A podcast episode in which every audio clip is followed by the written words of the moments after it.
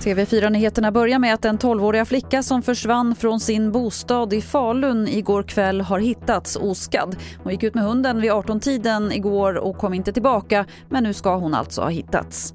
Idag fortsätter rättegången i Linköping om dubbelmordet för 16 år sedan. Och idag kommer den åtalade Daniel Nyqvist som erkänt dubbelmordet att förhöras och han ska då få berätta om varför han gjorde som han gjorde.